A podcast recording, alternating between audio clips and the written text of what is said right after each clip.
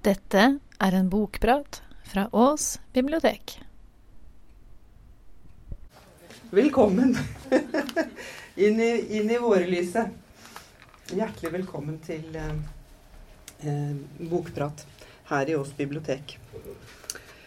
Som jeg sa, så syns jeg at denne boka her den kan fungere som det som heter allalderbok. Og den første jeg husker selv, det er jo den fra 1890, Elling Holsts billedbok for børn.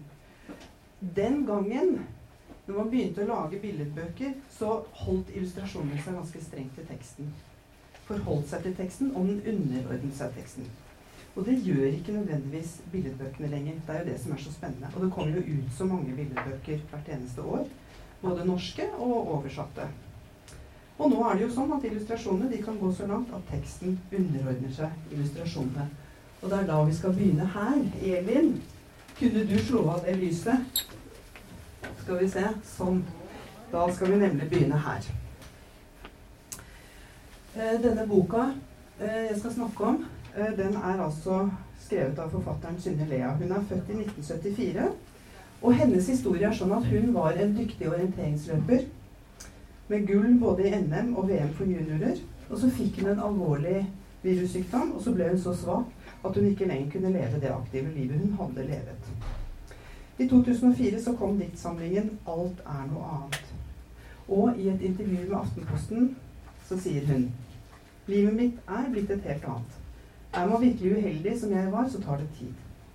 Jeg hadde egentlig ikke trodd at jeg skulle finne noe som gjorde at jeg er like levende som da jeg løp, men det har jeg funnet nå. Jeg er veldig fri og levende når jeg får skrive.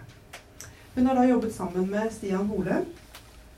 Han er født i 1969. Han er grafisk formgiver, illustratør og barnebokforfatter. Og særlig er han kjent for digitale montasjer i en rekke prisbelønte billedbøker. Og han har et helt særegent visuelt uttrykk. På en måte er det fotografi, og på en annen måte så er det surrealistisk, og det er fabelaktig. Og så til boka. Dette bildet her, det er som dere ser ingen tekst på, men det er forsidebildet, eller omslagsbildet. Og det er jo et omslag som er veldig lett å bli trukket mot. Og det gjorde jeg selv den gangen kassen kom fra bokhandelen. Og da bare måtte jeg ta i den, og så måtte jeg bla i den. Og først og fremst så var det jo de fargene og mylderet i illustrasjonen som fanget blikket mitt. Og komplementærfargene blått og oransje de skaper jo en egen harmoni. Og så står de i veldig skarp kontrast til hverandre. Men så begynte jeg å se nærmere etter.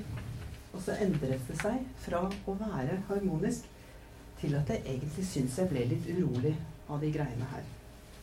For det myldrer. Vi ser både over havet og under havet. Og på vannet så ror tre mennesker i en båt. I nærheten av et isfjell. Eller det er faktisk to isfjell. Forsiden slutter her, så nå ser vi litt av baksiden også. Så ser det kaldt ut, og så ser det ganske mørkt ut. Men under overflaten så er resten av disse isfjellene. Og nærmest den som ser på, en undervannsflora i en varm og nesten bare oransje farge. Det kan se ut som eksotisk farvann. Isfjellet, isfjellene er nesten skjult bak det varme og organiske og levende. Og ved første øyekast så er det undervannsblomster, en sel, en skilpadde. Men så ser vi nærmere etter. Så er det jordbær. Og så er det bregner, som er røde og oransje. Så er det kjente blomster fra hagen. Det er et bål. Det er to fugler. Og dette her, det hører jo ikke til under vann. Og så er alltid disse oransje, varme nyansene. Og på baksiden så fortsetter eh, eh, omslaget. Og der er det blomster og maneter og en fisk og enda en skilpadde. Og denne fiskeskøyta som har sunket til havets bunn. Og en hare. Og en telefonkiosk. Så det er lett å bli nysgjerrig. Det henger ikke på greip, og det er sikkert detaljer som jeg ikke har fått med meg.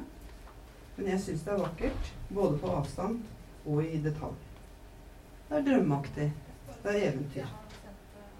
Og det ser ut Og det som er under overflaten, Den nederste delen er jo forholdsmessig mye større enn øverste del over overflaten. Og kanskje tenker jeg sånn at det er et hint om at under overflaten At vi blir invitert under overflaten til en underbevisst tilstand. Fortsatt så har vi ikke åpnet boka. Men sånn som det her Vi se om jeg gjør det riktig nå. Ser det ut når eh, boka har fått tittelen og forfatteren og illustrasjonen på seg. Men når vi åpner boka, så møter vi bestefar og en jente og hennes lillebror. Du og jeg, sier bestefar til jenta. Og da tenker jeg med en gang å, det er akkurat som Emil i Lønneberget. Han sier 'du og ja', Alfred. Du og ja. Og jenta, hun tenker på at bestefar en dag kommer til å dø og forsvinne ut av livet hennes. Hun er lei seg for det, og hun er redd. Og bestefar, han vil ut og ro. Når vi ror, spiller det ingen rolle hva vi snakker om, sier bestefar. Bare vi snakker. Og så skal de alle tre ut og ro.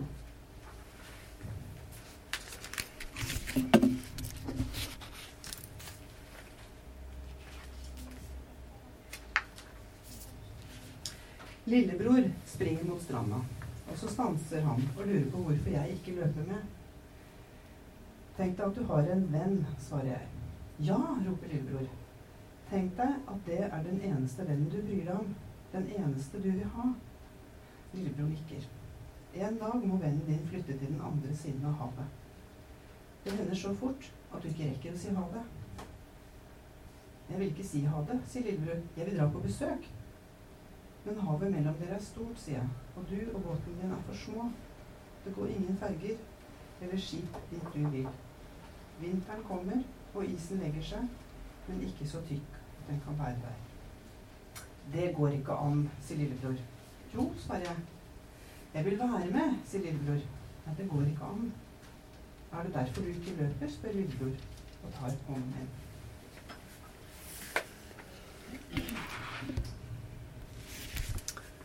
Hele tiden så har jenta en klump i magen. Hun er bekymret for livet uten bestefar en gang i fremtiden.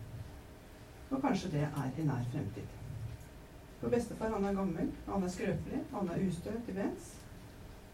Men bestefar ror dem gjennom mange ulike og surrealistiske landskap. Vi snakker om opplevelser vi har hatt sammen, og jenta er bekymret, har mørke tanker. Lillebror han er lysere, han er mer leken. De ror mellom øyer som er formet som menneskefjes. Kanskje er det ansikt, ansiktene til mennesker som ikke lever lenger. På noen sider rommer havdypet flora og fauna og mennesker og aktiviteter, lykkelige stunder og lyse stunder. Eller mørke stunder. Å lese ordene i denne boka, det tar ikke så veldig lang tid. Her er det poesi, og det er stillhet, og det er rom for tanker. Men å lese teksten og studere de frodige illustrasjonene, det blir noe helt annet. Illustrasjonene her de fyller ikke bare ut teksten, de beveger seg ganske mye lenger enn ordene. Så dette er ikke boka for den som har knapt med tid. Og bestefar han ror det lille følget langt. Og han skjønner at barnebarnet har det vondt.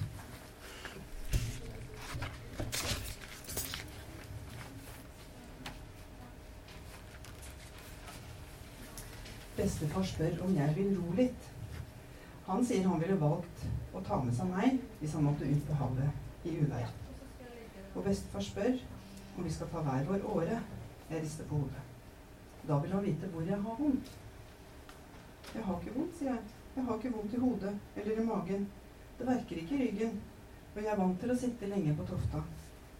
Det gjør bare vondt likevel. Bestefar spør om han skal blåse på kneet mitt. Før pleide det å hjelpe, smiler han. Men det er ikke der jeg er redd. Bestefar sier at jeg ikke trenger å være redd for å bli gammel. Han spør om jeg husker hvordan lillebror kom løpende inn på rommet mitt og veltet det fine tårnet jeg hadde brukt mange dager på å bygge. Å bli gammel ligner et slikt besøk, sier bestefar. Jeg ville bare leke, lillebror. Det er bare et tårn som faller, sier bestefar.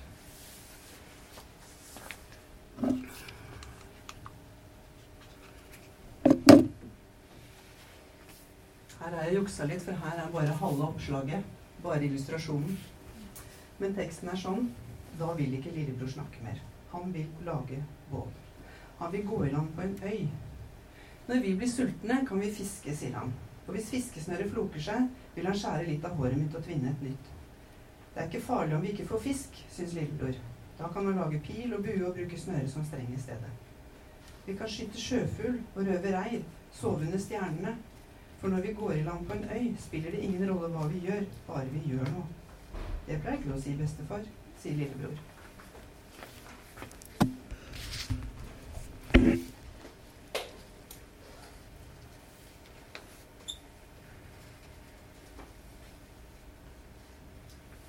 Det er fristende å gå i land og bli på denne øya og studere det myldrende livet her. Det er ikke bare illustrasjonen som er drømmeaktig. Vi inntas også av mange litterære referanser og symboler og dyr og mennesker og stjerner og vær og uvær. Og jo mer jeg ser, jo mer oppdager jeg. Her er det leserens erfaringer og assosiasjoner som får bestemme hva det er mulig å se, enten man er ung eller ikke fullt så ung. Sjørøverflagget på toppen av øya. Er det skatten på Sjørøverøya? Ballongen oppe til venstre? Viser den til jorden rundt på 80 dager, eller er det kanskje den hemmelighetsfulle øya? Og periskopet til undervannsbåten nederst til høyre, hører den til en verdensomseiling under havet. På denne øya er det en uendelighet av detaljer og absurde størrelsesforhold. Det er spennende, og det er urovekkende, og det er et funn for den som har lyst til å assosiere. Og det er mange sånne oppslag. Følget, det ror videre, eller bestefar ror videre, med følget sitt. Og de møter Titanic, som jo traff isfjellet og sank. Og de kommer til Venezia, byen som står i fare for å synke. Byen med det navnet som betyr elsket, kjærlig, elskelig eller vennlig. Eller det latinske ordet venetus, som betyr sjøblå. Alt det bestefar er for barnebarna. Eller alt det bestefar og barnebarna er for hverandre. Og innimellom alt dette fantastiske, små, fine samtaler om livet, om hva bestefar vil etterlate til barnebarna. Ikke bare båten, garnet, gummistøvlene, stormkjøkkenet, men også kartet som viser de fine fiskestedene som Vika der ternene kommer tilbake på samme tid hvert år. Men jenta, hun vil ikke arve ting. Hun vil ha bestefar. Så skjer det. Bestefar legger inn årene. Han legger seg ned i båten. Nå må jenta ro. Det blåser opp, det blir storm, og det ser mørkt ut for de tre. Og lillebror, han utfordrer henne. Hva om du ikke kunne ro? Hva om du ikke kunne svømme? Hva om du blir sliten og kald? Hva om du blir redd? Jeg ville ikke vært redd hvis du var redd, sier jenta.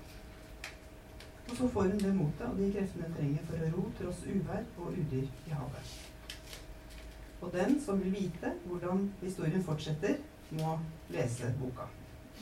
Og jeg skal slutte av der hvor vi begynte, og gå tilbake til omslaget.